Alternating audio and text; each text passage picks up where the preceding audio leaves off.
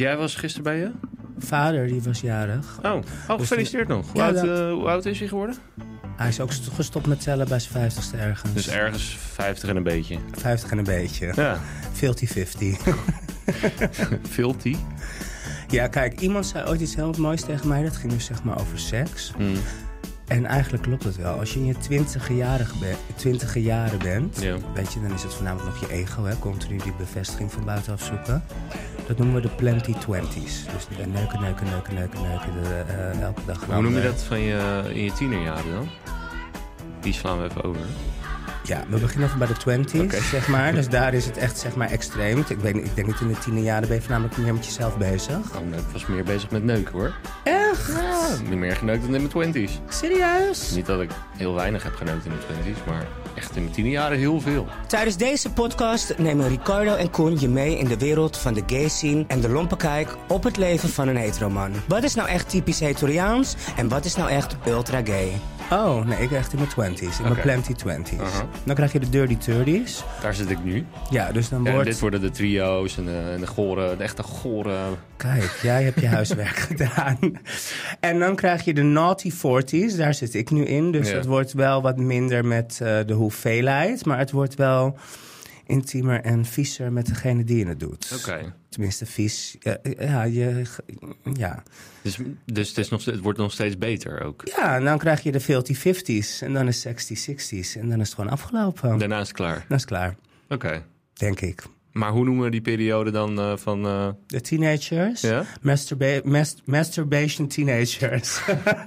de masturbation teenage jaren. Ja, oké. Dat deed ik wel heel veel in mijn teenagers. Masturberen. Toen ik dat helemaal onder de knie had, wauw. Ja, ik heb toen, weet ik ook nog wel eens, een leuke anekdote. Ehm, dat ik op de middelbare school had ik een vriendin. En eh, ja, ik deed alles met haar. Nou, ik had geen seks met haar, maar we hadden het over alles. En dat we gewoon in de klas ging, ging- moest ik mijn hand opsteken en zeggen... Ja, als ik, eh, als ik weer een boner had. Oh, echt? Ja, want in je, in je tienerjaren heb je echt tering veel gewoon uit het niks gewoon, eh, gewoon Ja, hormonen gieren natuurlijk door je lichaam. Ja. Wil je dat vandaag ook doen? Nou ja, ik heb dat, wat ik dus zeg, ik had het op de middelbare school heel vaak, maar ik heb dat niet. Het is niet dat ik nu een drempel overrij en dat ik alweer geil word of zo, weet je wel. Dat, eh, Nou, ehm, ik heb wel eens... als ik echt goede seks had gehad met mijn ex vooral... en dan eh, ging hij heel hard rijden... dan zat ik natuurlijk op de driver's seats... En eh, dan ging hij hobbeltjes over. dacht ik, oh nee, niet doen. Help, auw. daar weet je dus geil van. Ja. Mm, ja, Maar dat heb je nu ook niet meer, toch? Nee. Nee. Nou, cheers to that. is misschien ook wel handig, hè, dat je niet overal constant geil van wordt.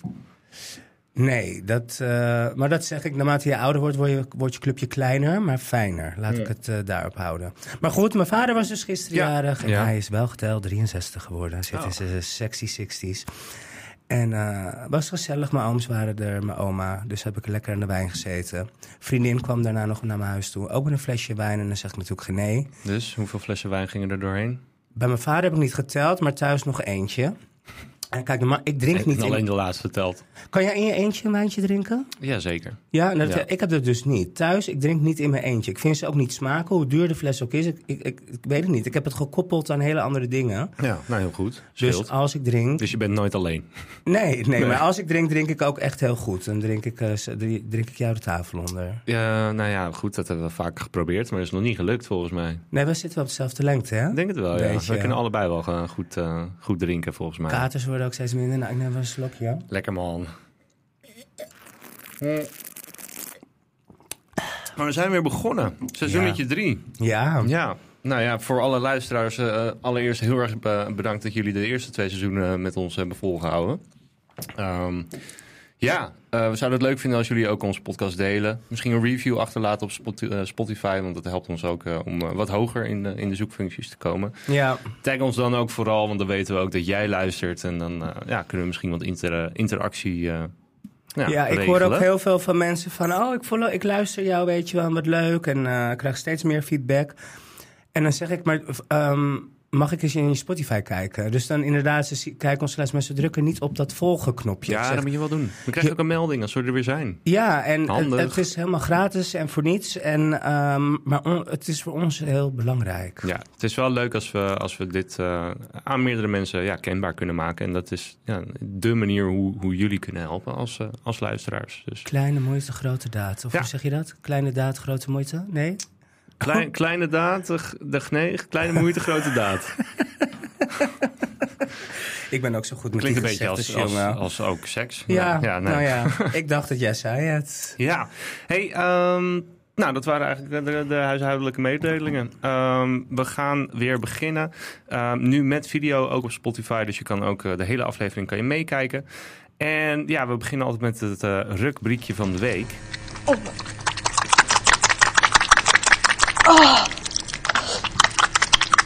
En het leek mij eh, heel erg leuk om ehm, nou, het even over.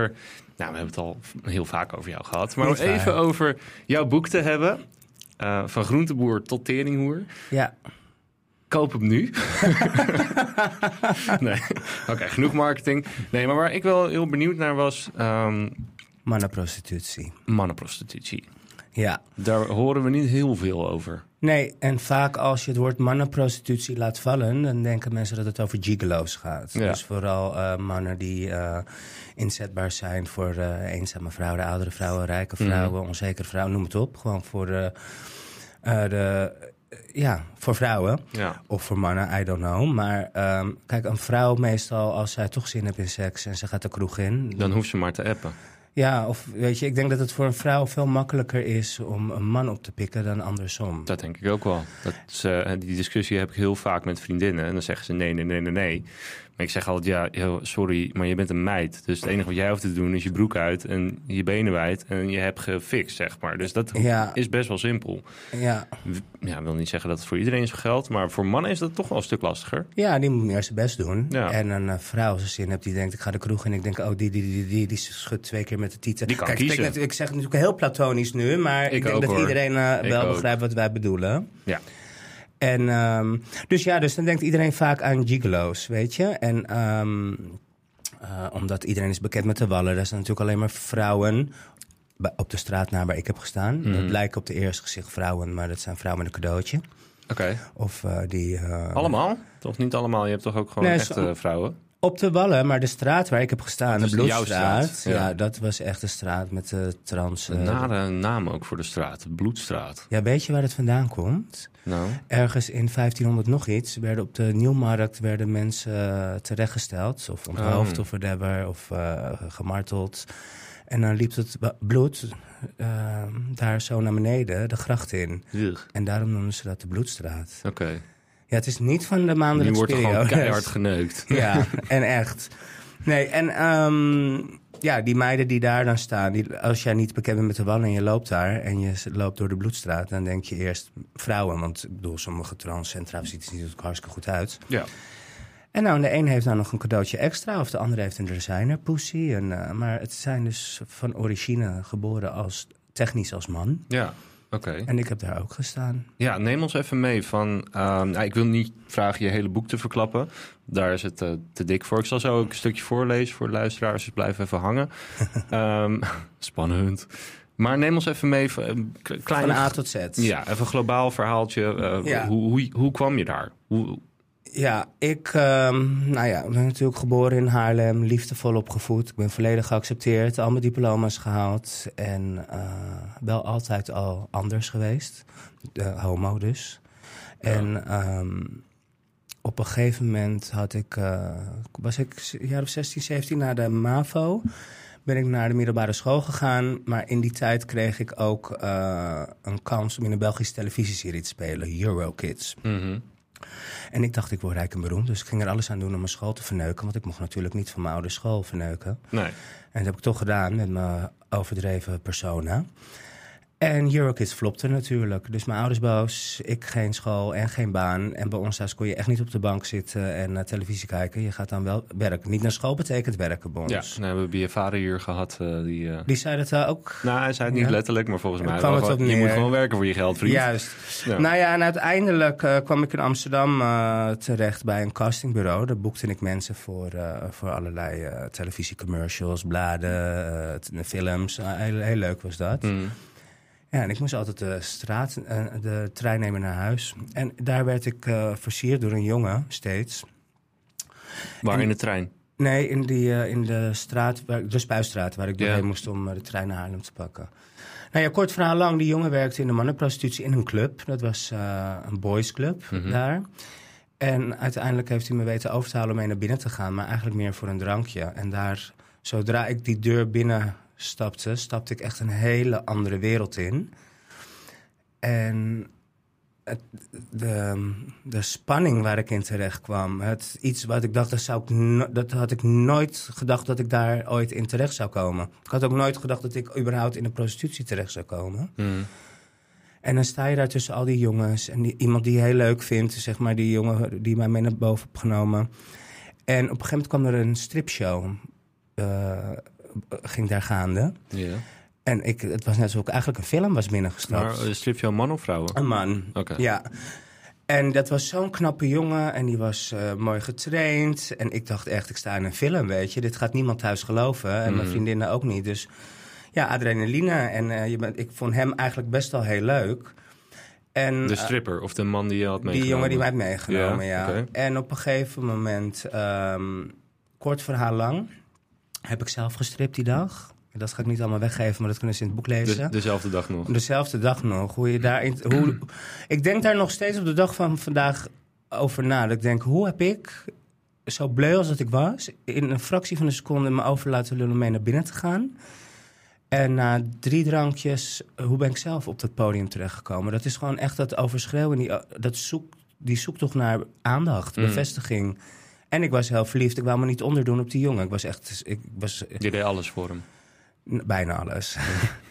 Oké. En ehm, nou ja, goed. Uiteindelijk ben ik naar huis gegaan met heel veel schaamte. Ik dacht dat iedereen in de trein aan mijn gezicht kon zien... dat ik net op mijn podium mijn kleding heb uitgetrokken. Hmm. En ik dacht, ja, dat kan ik thuis natuurlijk never nooit niet vertellen. Maar ook geen oog dicht gedaan, want... Ik dacht, ja, wat een wereld daar. Het, het, het is zo magnetisch. Het is zo, ehm zoiets anders, maar zo vol met spanning. Dat ik, Mhm. ja, ik ben de volgende dag er weer naartoe teruggegaan. En die dag daarna weer en weer en weer. En eh, Dus je werd eigenlijk gewoon een soort eh, adrenaline-junkie, eh, Juist. wat dat betreft. Ja, die bevestiging hè, die je dan eigenlijk krijgt waar je jarenlang naar gezocht, aandacht waar je Ja. jarenlang naar gezocht hebt. En ehm, eh, geld, want ik kreeg ook gewoon geld voor die show. En ik ging naar huis met een pak geld in mijn zak, wat ik nooit had gedacht dat ik die dag zou verdienen. Nee. Want ik was gewoon. Hoeveel eh, was dat? Ja, het was nog gulden tijd. Volgens mij 175 gulden of zo. Nou ja, voor een eh, jonge... Jongetje, ik was ja. begin twintig. En ja, dat was echt wel. eh, was goed verdienen. Ja, dus daarom ging ik ook terug. En ik vond hem natuurlijk leuk. En ik had eindelijk contact met hem. En ja, weet je, het was alle, alle ingrediënten bij elkaar voor een, eh, voor een spannend recept. Mhm. Nou, en uiteindelijk... ehm, eh, hij deed ook live seksshows daar, zeg maar. Dat was elke vrijdag of zaterdag, dat weet ik niet meer precies. En is dat precies eh, wat ik denk dat het is? Ja, Het is gewoon op het podium. op een podium, seks. in een aparte kamer, een soort bioscoop was dat. Wat ook in die club zat. En dan kunnen mensen kopen dan tickets en dan doe je eh, een showtje. Ik heb het wel gezien toen hij dat deed. Mhm. Want hij deed dat met een andere jongen. Dan kreeg ik echt zo'n steek van jaloezie door me heen. Ja, Maar ik had ik. nooit gedacht dat ik dat ook zou doen. En toen viel zijn partner uit. En toen vroeg Dus je hij... de stand-in. Nou, hij vroeg of ik het wou doen. Maar ik weer met mijn grote mond. Nee, dat doe ik niet. Dat doe ik echt niet. Maar ja, drie drankjes verder en ik deed het wel. En in het publiek zat een man die wou met mij naar een privékamer. En eh, ik dacht echt, dat ga ik n- echt never nooit niet doen. Dat is, weet je, dat strippen was al stap één. Ja. Die seksshow was al stap twee. En ik vond het wel best zo. Maar die man, ja, ik was natuurlijk hartstikke jong, blond, Nederlands. En die man was, wat was hij? Was hij Nederlands? Ja, ja hij was wel Nederlands. En hij eh, bood me op een gegeven moment zo'n bedrag aan... waar ik ook geen nee tegen kon zeggen. En een jongen die ik daar ook had ontmoet... die ging eh, naar New York. Mhm. eh, twee weken daarna voor een week om vrienden op te zoeken. En ik wou altijd naar New York. En En toen dacht ik, nou, als ik dit eenmalig doe en ik heb dat geld van die man, dan kan ik en naar New York en ik kan kleding kopen en mijn ticket en. Ja, dus En in je hoofd had je eigenlijk alles al wat je wilde en, en Ja. kwam het eigenlijk gewoon Ja, aangewaaid. ja, zeker. Letterlijk. Nou ja, en naar New York gegaan. Mijn ouders eh omvergelogen om eh, toestemming te krijgen naar New York. Want Mhm. ik heb op een gegeven moment maar gezegd dat ik gewoon danste in Amsterdam. Want ik kon altijd heel goed dansen vroeger. Hm. En toen, eh, ja, in New York al het geld opgemaakt natuurlijk. en dan denk je, kut, ik had zoveel geld, dat wil ik weer. En toen ben ik gewoon eigenlijk teruggegaan. En dan, weet je, dan zit je er eigenlijk al heel diep in. Ja, want je bent eh, dan eh, gewend aan een soort uitgavenpatroon. Ja. En, eh, je En dat gaat heel snel hoor, En je- weet je. merkt dat het heel makkelijk verdient. Of makkelijk. Ja, en het was heel makkelijk verdienen. ja. ja, je gaat niet, je- als je naar de Albert Heijn gaat om te werken, dan ben je een maand bezig voor hetzelfde salaris. Voor wat ik soms in een In een paar dag uur kreeg. Ja, Of per uur zelfs. ja hoor, Amerikanen waren heel gul. Maar ik, je moet bedenken, toen ik daar was, was ik begin 20. Ik was 20 of Mm. 21. Ik was de jongste. Ik was een van de, ik was de blankst, een van de blanke jongens, de weinige blanke jongens. Het waren voornamelijk Oost-Europeanen, eh, Turken, Arabische jongens die verstoten waren, Latino's veel. Ja. Russen hebben er ook gezeten. En ik en nog een jongen waren eigenlijk de enige Nederlanders. En ja, zo'n blank jong jongetje en al die, die mannen die kwamen, daar was je dan eigenlijk wel een toetje voor. Ja. Nu ben ik natuurlijk 42 en denk ik wel eens naar, eh, die mannen. Die, waarom moesten ze mij hebben? Ik was 20. Waarom konden ze niet iemand van hun eigen leeftijd hebben? Daar denk ik nu nog wel eens over na. Maar je kijkt niet zelf af en toe naar een 20-jarige dat je denkt, Nee. oeh, Zeker niet. Twinkie heb Nee. ik geleerd. Twinkie. Oh, ja, heb ik ook geleerd. ja, nee, nee, ik wil wel een beetje... Een beetje man. Ja, Ja, iemand met levenservaring. Maar goed, je hebt dus, eh, nou, je werd meegenomen, je hebt die, die, die shows gedaan en je, je bent meegegaan naar, naar iemand op de kamer. Wat, maar je hebt ook achter het raam gestaan. Ja, uiteindelijk eh, in die club heb ik twee jaar gewerkt. Is dat een upgrade van de club of is dat eigenlijk een soort downgrade van de club? Nou, in de club moet je ook geld afstaan aan de eigenaar van de club. Ja. En ehm, achter het raam ben je echt volledig je eigen baas. Oké. Je geeft de huur af aan de... En alles wat je in die uurtjes doet, is allemaal wat jij bepaalt, wie jij bepaalt, hoe je het bepaalt. En je trekt ze helemaal leeg. Ja, letterlijk. letterlijk en figuurlijk. Ja. Ja, en, eh, maar dat is een, eh, de opstap van het raam naar de club. Ik heb in de tussentijd ook nog voor een escortbureau gewerkt. Ik heb in Amerika gestript. Dus daar zit ook nog een behoorlijke periode tussen. Nou, ik heb alles in totaal binnen vier jaar gedaan, zeg maar. Dus eh, ja, ik danste ook bij in, eh, in de IT Mhm. eh, in Amsterdam. En Nicky Nicole, ik weet niet of je dat wat zegt. Dat was toen een hele bekende travestiet, een Amerikaanse. Ja, naam komt me bekend voor. Ja. Misschien als ik een foto zie of zo. En die was echt wel ja, een toonaangevende travestiet daar. Die deed doorbitch, eh, maar die deed ook shows. En die vroeg of ik mee wou dansen in eh, Brussel. Maar dan moest ik wel verkleed als vrouw. En ik weer, nou dat doe ik echt niet, met mijn grote mond. En uiteindelijk toch gedaan. En Ja. dan kreeg, ik, krijg je weer een nieuw soort aandacht. Hè, van weer een ander soort man. Weer een soort bevestiging. En weer een masker die je opzet. En Mhm. weer een soort alter ego die geboren werd. En eh, ja, uiteindelijk toen ik dat deed, toen is het balletje echt snel gaan rollen. Toen ben ik voor ex-pornstar gevraagd. Toen werd ik doorbitch ook nog. En ehm, ja, ik, werd, ik werkte voor feesten die, ehm, die heel snel aan het groeien waren. En ik groeide gewoon met iedereen mee. Dus Ja. ik was op een gegeven moment best wel een soort van bekende travestiet in Amsterdam. En iemand uit de club die eh, achter een raam stond, ik ging altijd op bezoek bij hem. En op een gegeven moment viel hij eh, zijn. eh, hij wou een paar diensten weggeven. Zei hij, waarom doe jij dat niet dan? En toen ik wel eens bij hem stond, achter die raam, en je zag die mensen, dacht ik, oh, maar die zijn wel aantrekkelijker dan de club. Weet je, het zijn wat meer eh, Nou ja, straat. Toeristen. Toeristen ook, straat, schoffies. eh, Oké, ja. de, de dingen waar het bij- bijna niet ehm, vervelend is om eh, voor te werken, zeg maar. Snap je? En then again, het was ook weer gewoon dat overschreeuwen, het kijk naar mij. En toen heb ik ook een dienst overgenomen. En toen dacht ik, hé, maar dit gaat nog veel makkelijker, het geld verdienen. Ja. Hier hoef ik niet een hele uur vol te maken. Hier bepaal ik mijn eigen tijd, mijn eigen dingen. En daar kwamen echt wel de mannen waar ik eigenlijk vroeger nooit de aandacht van kreeg. En nu kreeg je in één keer de aandacht. En Ja. dat was, het was de ballen is een wereld in een wereld.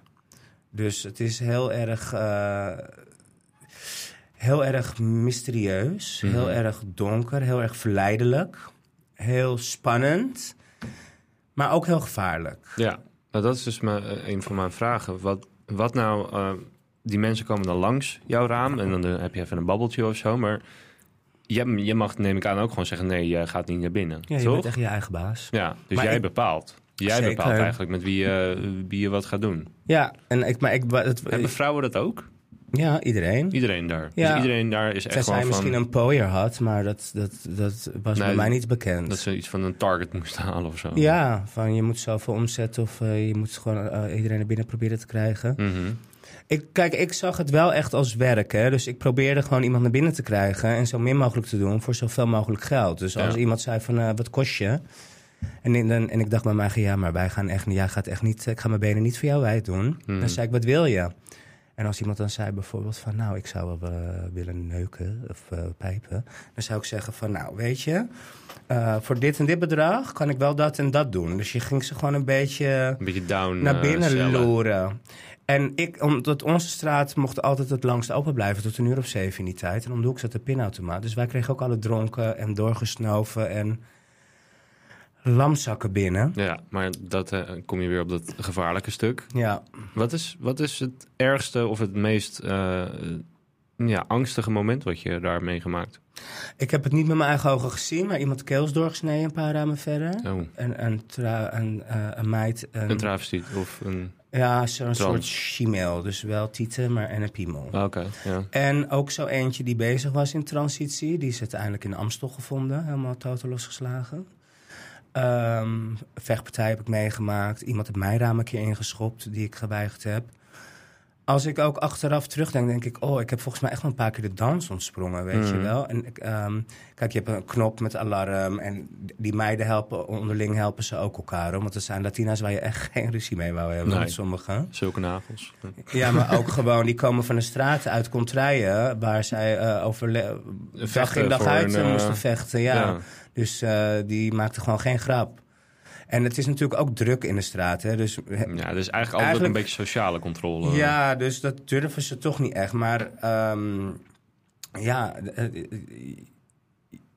als ik nu terugdenk, denk ik... wauw, al die mensen, al die mensen die daar liepen, al die dingen... al- weet je, er hebben echt wel Mongolen tussen gelopen. Ja. Ja. En is er veel verschil tussen man en vrouw van wat een man verdient op de wallen of, of wat een vrouw verdient? Want er is natuurlijk wel minder aanbod qua mannen, toch? Zou je denken. Oh niet? Nou, het gaat, die straten van ons was volgens mij drukster dan eh, de andere. Oké. Ik denk uiteindelijk toch dat het een soort spanning is die mensen gingen zoeken. Hm. En eh, je hebt natuurlijk ook heel veel aapjeskijkers daar, weet je wel. Het is soms Tuurlijk, het is een toeristische attractie ja. van, eh, van Amsterdam. Ja, maar Wat ze eh, nu willen gaan weren, volgens mij. Hè? ja, volgens mij moet je voor gaan betalen straks om naar binnen te komen. Ja. Maar kijk, begrijp mij, festival. Ja, maar weet je, begrijp me niet verkeerd. Ik praat over 22 jaar geleden. Ik zou dat never, never, never nooit meer kunnen doen. Never niet. Ik had het ook voor geen goud willen missen. Dat klinkt heel raar. Want het was mijn... eh, Ik zeg altijd tegen iedereen, Amsterdam blijft mij verleiden met gemixte gevoelens. Dus het Ja. kan, ik kan het naar Amsterdam kijken en echt die, die herinneringen oproepen en een heel blij gevoel krijgen. Want ik was natuurlijk jong. Ik had bakken met geld. Ik was hopeloos verliefd. En ik kreeg de aandacht die ik dacht die ik wou. Kijk, nu ben ik 42. Mhm. En besef ik dat het gewoon overschreeuwen was. En aandacht op de verkeerde plekken zoeken. En op de verkeerde manieren. Mhm. Maar ik had het ook niet willen missen. Want Amsterdam heeft ook weer iets heel, heel moois. Weet je? Het is gewoon heel verleidelijk, Amsterdam. Ja. Het heeft een hele zwarte kant, maar het heeft ook een hele mooie kant. En dat, die gemixte gevoelens, dat is altijd wel een kriebeltje die blijft. ja. En wat zijn de, de, als je het over anekdotes hebt of, of momenten die je daar hebt meegemaakt waarvan je denkt, dat ga ik nooit meer vergeten omdat, omdat je er echt van genoten hebt? Ehm, aan het einde van, eh, Je carrière. ja, van mijn tijd eh, in de prostitutie Ja. waren er hele heftige dingen gebeurd. Die staan ook in mijn boek. En, eh, maar echt heftige dingen. Ik gleed zelf toen een beetje af, veel drank. En eh, stonden er twee nonnen aan mijn deur. En zij kwamen God brengen. Oh. Dus jij zegt, gooi maar in de achtertuin. Nou, ik, weet je, ik vond hun helemaal niet leuk op dat manier. Ik was heel verbitterd, ik was verloren. Ik, ik begon naar de liefde te verlangen, weet je. En ik Dus vond- je had er eigenlijk al geen zin meer in. Nee, en de passie was weg. de passie was weg, ja, inderdaad. En ehm, ik zag ook steeds in de reflectie van de raam het gezicht van mijn moeder. Hm. Weet je, mensen kregen ook nog aids in die tijd en zo. Dus het was echt wel, dacht ik, dat wil ik allemaal niet. En toen zei ik echt zo'n slechte grap. Van ik zeg, nou, hij moet ook gewoon 50 euro betalen hoor, weet je. En eh, ze moesten er ook totaal niet om lachen. Maar hoe ze daar stonden en ze waren gewoon niet omver te slaan. En ze bleven zeggen, maar je bent geliefd en God loves you. En weet je, en ik bleef hem maar proberen de grond in te schoppen, omdat ik boos was op de wereld. Ik Ja. wil iedereen de schuld geven, behalve mezelf. Weet je, en of dat nou twee nonnen waren, of een klantje, of een, een, een- een lekker ding die eh, elke week wel even langskwam. De eerste, iedereen ging het op een gegeven moment, moest het ontgelden. En zij bleef lachen en op een gegeven moment zegt ze... ik heb ook nog warme chocomel voor je. En zei ik, nou, alleen als er rum in zit. Maar ze bleef lachen en ik blijf nog steeds aan hun denken. Dat ik denk, eigenlijk waren hun wel mijn reddende engels op dat moment. Ja, Ja, degene die eh, over de streep trokken om, om ermee te stoppen. nou, er zijn natuurlijk wel heel wat dingen gebeurd... waardoor dat eh, kon, zeg maar. Ik heb nu bijvoorbeeld... ehm, ik ben laatst nog wel eens over de wallen gelopen... en dan zag ik die meiden staan. En bij sommigen denk ik echt van... oh, weet je, ik hoop echt dat je dit doet voor een studie... en dat je dan stopt. Of dat je dit doet om iets af te betalen en dat je dan stopt. Want het, het doet zoveel met je, weet je. Je, je geeft alleen maar, weet Ja. je. Je bent daar voor iemand anders een fantasie... voor iemand anders een energie... voor iemand anders eh, bucketlist ding, weet je. Je geeft alleen maar. Ik ben nu, na het schrijven van mijn boek... nou, ik heb daar anderhalf jaar door een openbaring gekregen... Ik ben nu pas aan het detoxen van die tijd. Ja, Al die dingen ben ik nu pas aan het loslaten. Ben ik aan van me af aan het wassen. Want ik heb ook al die mensen aan me laten zitten. Je, je neemt toch hun DNA een beetje over. ja. Denk je niet dat de mensen die dit, die emotioneel zo sterk zijn dat ze dit werk kunnen doen... Want dat Wel je. sterk of niet sterk? Nou, eigenlijk ja, aan de ene kant wel, maar of ja, zo kapot zijn eigenlijk al dat je dit kan.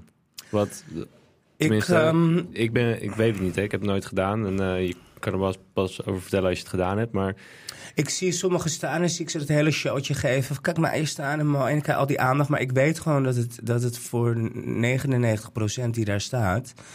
is om bevestiging te zoeken van buitenaf. En gezien om te worden. gezien te worden, ehm, snel geld verdienen. eh, kijk, en je hebt natuurlijk de mensen die uit eh ontwrichte gezinnen komen, slechte relaties hebben, eh, niet weten wat liefde is, die daar gewoon staan. Maar je hebt er Mhm. ook een paar die het gewoon echt voor hun studie doen en zo. Maar Ja, geloof maar me, ook mensen die gedwongen worden. ook mensen die gedwongen worden, maar ehm, het is echt een masker die opgaat. En eh, ik weet niet of ze er echt gelukkig van worden. Dat denk ik niet. Ik denk uiteindelijk dat ze de prijs er nog wel voor gaan betalen, geestelijk.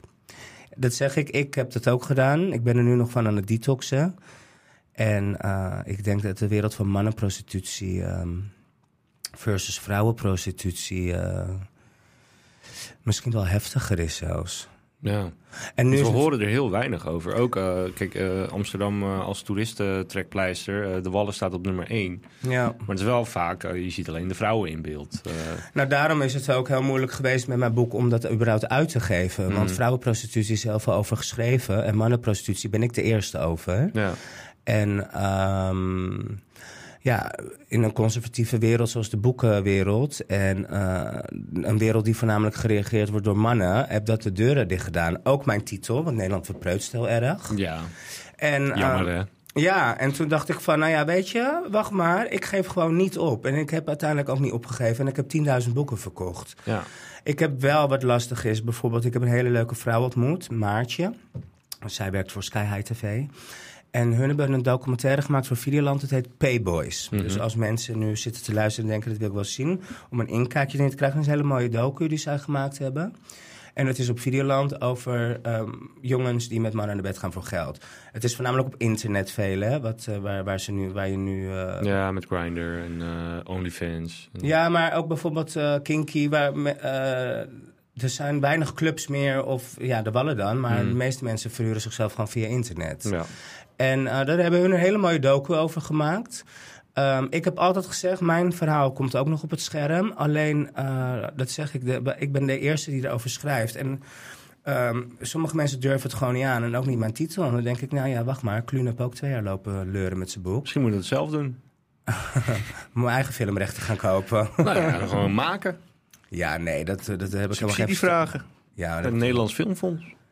Ja, daar heb ik helemaal geen verstand van. Maar de juiste komt wel op mijn pad, geloof me. Uiteindelijk komt het wel. Want Misschien ik- luistert iemand naar deze podcast die denkt van... ja, dat vind ik een goed idee. Laten we dat doen. Mijn verhaal is echt wel, eh, weet je, eh, mijn verhaal is denk ik best wel bijzonder, maar ook heel herkenbaar. Omdat heel veel mensen een op zoek toch naar zelfacceptatie of liefde aan anderen afslag nemen, Mhm. denk ik. En uh, tenminste weet ik, want het is alle feedback die ik heb gekregen van uh, alle lagen van de bevolking. En uh, ik, het is ook hoe ik Amsterdam beschrijf. In het begin van het millennium, eind, eind 1990, de IT, dat soort dingen. Ik denk echt dat mensen dat moeten weten. En mannenprostitutie is er ook gewoon. En het zijn niet alleen gigolo's, het zijn gewoon, ja, mannen hebben ook behoeftes. Ja, zeker. Ben je wel eens naar de hoeren geweest? Ik ben er langs gelopen in Amsterdam. Tijdens een, uh, nou ja, is ook weer zo'n dingetje. Een uh, vrijgezellenfeestje. Oh, ja. niet naar binnen gegaan? Nee, niet naar binnen gegaan. Je hebt nooit betaald voor seks? Nog nooit. Nee. Ben je wel eens betaald voor seks?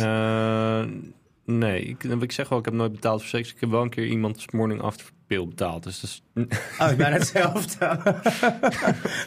Tripje naar de GGGD. ja, nee, nee, op die manier niet. Nee, op die Nee. manier niet. Nee, ik heb ook nog nooit betaald Op geen andere manier eigenlijk, bedenk me nu. Ja, natuurlijk neem je wel eens een keer iemand mee uit eten of zo. En dat je als man betaalt. En dan ja, eindigt de avond heel erg leuk. En dan beland je bij elkaar in bed. Ja, dat, dat noem ik niet betalen voor seks, toch? Nee, nee, is indirect misschien, maar niet. eh, nee. Nee, het was niet, niet de bedoeling of zo. Ik heb wel een keer betaald voor een stripper, maar dat was voor een vrijgezellenfeest. Ook niet gedaan. Nee, ik ben wel één keer in eh, Bulgarije een stripclub in geweest. Maar echt ook teringlam. En ik, ik weet niet, ik werd daar heel ongemakkelijk van. Ja, juist in Inderdaad, zo'n vrouw die je dan aan je hand meetrekt van kom, ik geef je een private show. En dan zeg ik nee, nee, ik nee, ik wil, ik, dat je ook zo het gevoel hebt van jij wil dit zelf helemaal niet. Dus dan, hoe kan ik dit dan willen? En dat je dan denkt, ik haal mijn hand op mijn zak, wat voor ik het weet is mijn portemonnee leeg? geript. Ja, of zit er vriend naast me die, eh, die me stoot geeft en mijn portemonnee afpakt. Ja. Ja, ja ik, heb, ehm, ik, heb wel, ik heb wel één keer gedacht van, oh weet je, ehm, mannen, ik, ik, ben het, ik viel natuurlijk op een bepaald slag man. Hm. En dan belden ze, hey, ben je thuis, weet je? En dan eh, dacht ik, ja, oké, ik ben thuis, deed een ding en gingen weer. Toen dacht ik, nee, nu voel ik me, nu voel ik me juist een hoer. Thuis. Ja, ik- gewoon, weet je, ik moest altijd maar stiekem. En Ja. dan komen ze, deden hun ding en gingen ze weer weg. En toen voelde ik me juist een hoor. Toen heb ik heel vaak gedacht van, kan er net zo goed weer geld voor gaan vragen. Maar toen dacht ik, nee, nee, nee, nee, nee. Want ik laat me niet door hun weer die kant op duwen. Hm. En toen heb ik ook gezegd... eh, weet je, toen mijn boek echt klaar was en ik zoveel mensen heb bereikt met mijn boek... toen zei ik, ja, nu weet ik duidelijk wie ik ben. De eerste, de beste man die nu aan mijn lichaam gaat komen... dat is vanuit respect of liefde. En ben ik een keer dronken in de stad, ik denk, nou, nu heb ik Dan jeugd. telt het niet. Dan telt het niet. Heel goed. Ja, Zal ik- Ja? Nee, zal Nee. ik een stukje voorlezen? Of had jij nog een vraag? Of, Nee, lees jij maar een stukje voor. ik heb één vraag. Is het Eden of Aiden? Aiden. Aiden. Dat is niet zijn echte naam, maar ik moest een naam verzinnen. Oké. Inmiddels begon de club ook vol te lopen met klantjes.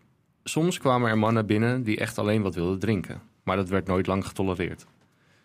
Daar werd gewoon niet mee gepraat. Als er niks te halen viel, staken de meeste hoeren geen energie meer in je. Dus waren eigenlijk alle bezoekers potentiële klantjes. Vanaf de bar keek ik het schouwspel weer aan. Tot Alvin het druk genoeg zou vinden voor mij om te dansen. Mag ik je voorstellen aan Christophe? hoorde ik aan Aydin plotseling zeggen. Naast hem stond een Zweedse man van een jaar of zestig. Zo uit een Pippi Langkous aflevering gelopen. Hij was platinum blond, van nature, met een getrimd baardje en een oneindige glimlach op zijn gezicht. Aydin nam me apart. Hij wil een privéshowtje van ons samen. Wat? Ja, doe nou niet zo stom, je hoort me goed. Wil je geld verdienen of wat? Jij en ik, kom op. We gaan hem helemaal leegtrekken. Hij speelt met zichzelf en wij met elkaar. Zo simpel. Hij zei dat het met zo'n, met zo'n overtuigingskracht dat ik het bijna niet in mijn hoofd kon halen om nee te zeggen. Neem eerst wat te drinken van hem. Zonder mijn antwoord af te wachten, bestelde hij drie drankjes voor ons. Hij tipt ook goed, fluisterde hij er achteraan. Oké, zei ik matjes. Ik begon me al een echte hoer te voelen. Mogen wij een kamer voor drie? commandeerde Edin naar Tommy. Hij zei het snel en hard, zodat ik echt niet meer terug kon. Christophe bleef ondertussen vriendelijk naar mij kijken. En toen begon Aydin al over Tina Turner. Ken je dat nummer Private Dancer? Keep your money on the mind? Vroeg ik afgemeten. Precies. Kamer 5 is klaar voor jullie, zei Tommy. Nou ja, dit is dan een kleine... Keep your eyes on the money. Keep your eyes on the money. Keep your money on the mind, staat het er? Keep your mind on the money. Ja, ze keep your money on the mind. Keep your money on the mind. Keep your money on the Ja, mind. dat, dat heb ik vaak. Keep your mind on the money. Keep your money on the mind. Ja, en bij mij zit het altijd on my mind. Ja. Als jij dat nou gelezen hebt, hè, hoe is Ja. het, creëer je er gelijk een beeld erbij? Ja, ik zie het. eh, het wordt eh, heel beeldig beschreven, inderdaad. Dat, eh, En Dat is denk, goed je, gedaan. en denk jij dan dat ehm, die club waar ik gewerkt heb in Amsterdam, hoe denk jij dat zo'n club eruit ziet?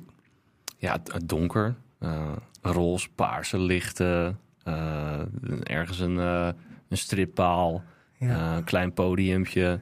Ja. Een bar met een eh, loesje, loetje die glazen aan het spoelen is of zo, weet je wel. Zoiets. Nou, eigenlijk ben jij wel heel dichtbij, ja. Het Ja? was voornamelijk wel heel rood allemaal, fluwelen rode dingen. Ja. Maar heel veel mensen denken vaak dat het een soort lugubere, donkere, zwarte underground iets was. Nee, ik omdat zie het wel als een soort kroeg-achtig. Maar dan, ja, wat, wat sexier of zo. Ja, beneden was wel een soort kroegachtig waar dan gestript ook werd. En boven was echt een club. Echt een. eh, een eh, ja, het was best wel chic hoor, eigenlijk voor die tijd.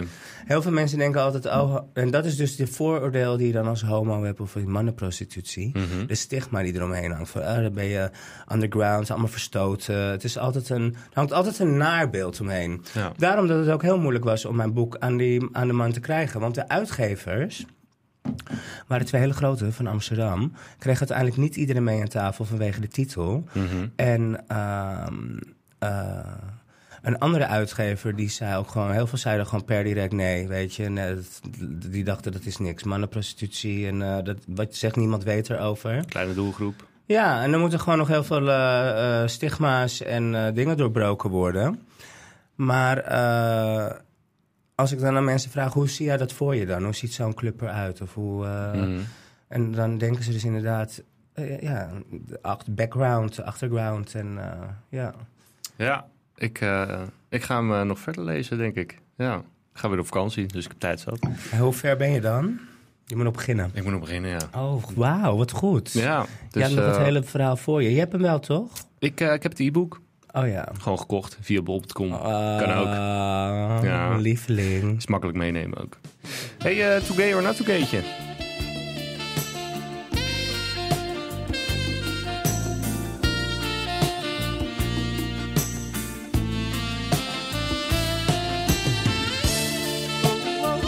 Wanneer ben je nou echt prostituee? Ben je ook een prostituee als, als man of hetero man zijnde? Dat kan natuurlijk ook. Ehm, op het moment dat je alleen gaat daten? Of ben je dan... Wat, wat ben je dan? Dan ben je een gigolo. Nog een keer. Daten. Wanneer ben je een hoer? Een hoer, een, een prostituee ben je als jij seksuele diensten verleent voor geld. Oké. Dan ben je een hoer. Maar ik weet niet of je dat nou één of twee keer doet, of drie keer, of eh, eens in de maand, of je dan gelijk een hoer bent. Ik denk als je, Gewoon even bijverdienen. ja, ik denk als je het gewoon echt je fulltime inkomen is, of dat soort dingen, dan denk ik dat je jezelf wel echt hoer of prostituee of sekswerker, hoe je jezelf wil noemen, Ja. eh, mag noemen. maar ik denk als je af en toe, je hebt ook van die vriendinnen of vrienden, weet je, die dan een stoute avond hebben of gek. Dan denk ik, zullen we eens een keer die, doen? die vragen er niks voor hoor. Nee, maar, nou, ja, maar ik heb wel eens met een buurmeisje één keer, dat was jaren geleden, dachten we, oh kom, we gaan een profiel op Kinky aanmaken, kijken wat er komt. Weet Ja. je, we waren gewoon een gekke bui dronken. En nou, we deden het en er kwam ook echt iemand. Ja. En toen heb ik wel tegen haar gezegd, dit moeten we niet meer gaan doen. Want dit is, het is een wereld waar je heel snel in meegezogen wordt. ja, door het geld en de... Door alles. En, dan, en dat is heel verleidelijk. En je Mhm. moet echt heel sterk in je schoenen staan. En heel zeker weten waarvoor je het doet. Het is niet dat je een pleidooi aan het houden bent voor mensen gaan lekker doorspelen. Maar- Soms wel. Ja, nou ja, als je, weet je, je hebt natuurlijk van die hele goede escorts en weet ik het allemaal, die de hele wereld over gaan en naar Dubai en zoek het uit. Maar dan heb je weer andere meiden die onzeker zijn, die zich daaraan gaan verlekkeren en die denken van, oh, dat wil ik ook en dat geld en dat lijkt allemaal zo mooi op Instagram. Maar het is een hele gevaarlijke wereld gewoon, want je, Ja. je, je, je geeft jezelf over aan iemand anders een fantasie en je weet nooit hoe die fantasie eindigt of ontwikkelt. Nee, je kan niet in iemands hoofd kijken. Wat En- er, eh, Ja, precies. En als zij dan met serieuze flappen gaan gooien, jij bent snel overstag, want je bent gewoon een zwakke element. En als iemand echt pijn wil doen, doen ze je pijn. mhm. Dus ik zou er echt wel heel goed duizend keer over nadenken en je gewoon heel goed laten voorlichten als je zoiets wil gaan doen. En dat zeg ik wel, als je het dan eenmaal doet, doe het goed, doe het voor een studie, doe het opzij, doe het voor een huis of whatever. En, En veilig. En veilig en stop op tijd. Ja. Laatste dingetje. Zo, morgen. Eh, om het misschien even wat leuk af te sluiten. Ik- Jou... ja, nog wat, wat eh, Ik vond het wel sexy. Ik schaamhaar in mijn keel. Viezerik. Nee, ehm, nee ehm, wat is het, het grappigste moment wat je hebt meegemaakt tijdens die periode? Er moet iets geweest zijn dat je denkt van, jezus. Oké, maar wil je dan eh, van mijn hele tijd als hoer of van achter de raam of van in de club? Nou, eh, gewoon het grappigste moment. Waar niet ik uit. heel vaak aan moet denken is gewoon Bert. Ik vergeet nooit meer zijn naam, Bert. Bert. Bert. En Bert had ook echt zo'n aktentasje. Hmm. En die had zo'n hele kale hoofd met één zo'n plukje naar de overkant, weet je wel. Echt zo- echt zo'n Bert. Ja. En Bert, die stond in één keer zo met zijn... Ik dacht dat Bert echt zo'n soort eh, professor was. Ergens op de HVA van Amsterdam. En eh, die gaf daar Ja. eh scheikunde. Zo is zo'n typeje. En eh, die stond op een gegeven moment voor mijn raam. En die vroeg wanneer mijn dienst klaar was. Ik zeg, nou, dat weet ik niet precies wanneer ik er klaar mee ben. Hij zegt, ja, maar ehm, ik zou graag aan het einde van de dienst jouw slipje willen kopen. Hij kocht ook echt mijn slipjes voor Ja. 500 euro. Zo. niet te doen. Dat is En- makkelijk verdienen. Hoe meer ze stonk, hoe meer hij betaalde. Ja, maar dan daar had ik trucjes voor natuurlijk. Hè? Tuurlijk. En ehm, dan kwam hij, nou, dan, dan zei ik van, nou, weet je, nog een paar klantjes, weet je, ik kwam af en toe checken. Ik zeg, dan ben ik wel klaar mee. Nou, en dan ging hij, eh, ik had zo'n bed met allemaal spiegels eromheen, dus je kon alles zien. Nou, en dan ging Bert, eh, die deed dan heel deftig alles neerleggen. Een zakdoekje eerst neerleggen en eerst daar een wc-papiertje en dan... En dan ging hij zitten. Hij zat ook zo ongemakkelijk, maar voor hem was dat heel gemakkelijk. Het was een heel ritueel. En hij neemt dan mijn slipje, die wond hij om zijn slooierik heen. En dan ging hij met zichzelf eh, spelen. En dan eh, zat hij mij aan te kijken hoe ik dan een beetje zo met mezelf zat dingen. Nou, Bert kwam klaar. Ik wist nooit dat hij klaar kwam, want er kwam geen geluid uit. Er kwam alleen het spul uit, maar het was echt zo... En hij vouwt alles op met zijn servetje. Het moest allemaal heel rituelig. en dat, die, Een soort was het. hij nam wel mijn slipjes mee. Maar die kocht ik gewoon bij Dennis en Maurits voor 3 euro. Dus Ja, eh, in zijn aktentasje dan, eh, kwam er dat plukje weer recht en hij ging de deur uit. En ah, het was net een Ja. film. En ik, Bert, die kan ik nog zo voor, me, voor de geest halen. En ome Teun. Ome Teun, dat was gewoon een al- oude alcoholist. Die was vroeger multimiljonair. Mm. En eh, die heeft alles verdronken en vergokt. En die leeft op straat. En die haalt dan voor ons eh, de drankjes en de ditjes en de datjes. En als je een patatje wou, whatever, dan gaf je hem een footje en geld. En dan kwam hij terug en Teun had echt nog drie tanden. En die sliste een beetje. Dus dat is een soort van Parkinson's. Was jullie loopjong eigenlijk? Ja, maar Teun was ergens in de zeventig of zo. Die leeft op straat. En ja, wij eh, spekten hem dan, Ja. zeg maar. En die haalde alles voor je. En die hield alles in de gaten. Nou, dan wel op zich wel grappig. Ja, maar als je Eh, hem zag, dan denk je... Ja, Je geeft nog een stuiver. nee, eerst denk je van, die is niet helemaal goed. Maar die heeft natuurlijk zoveel gedronken.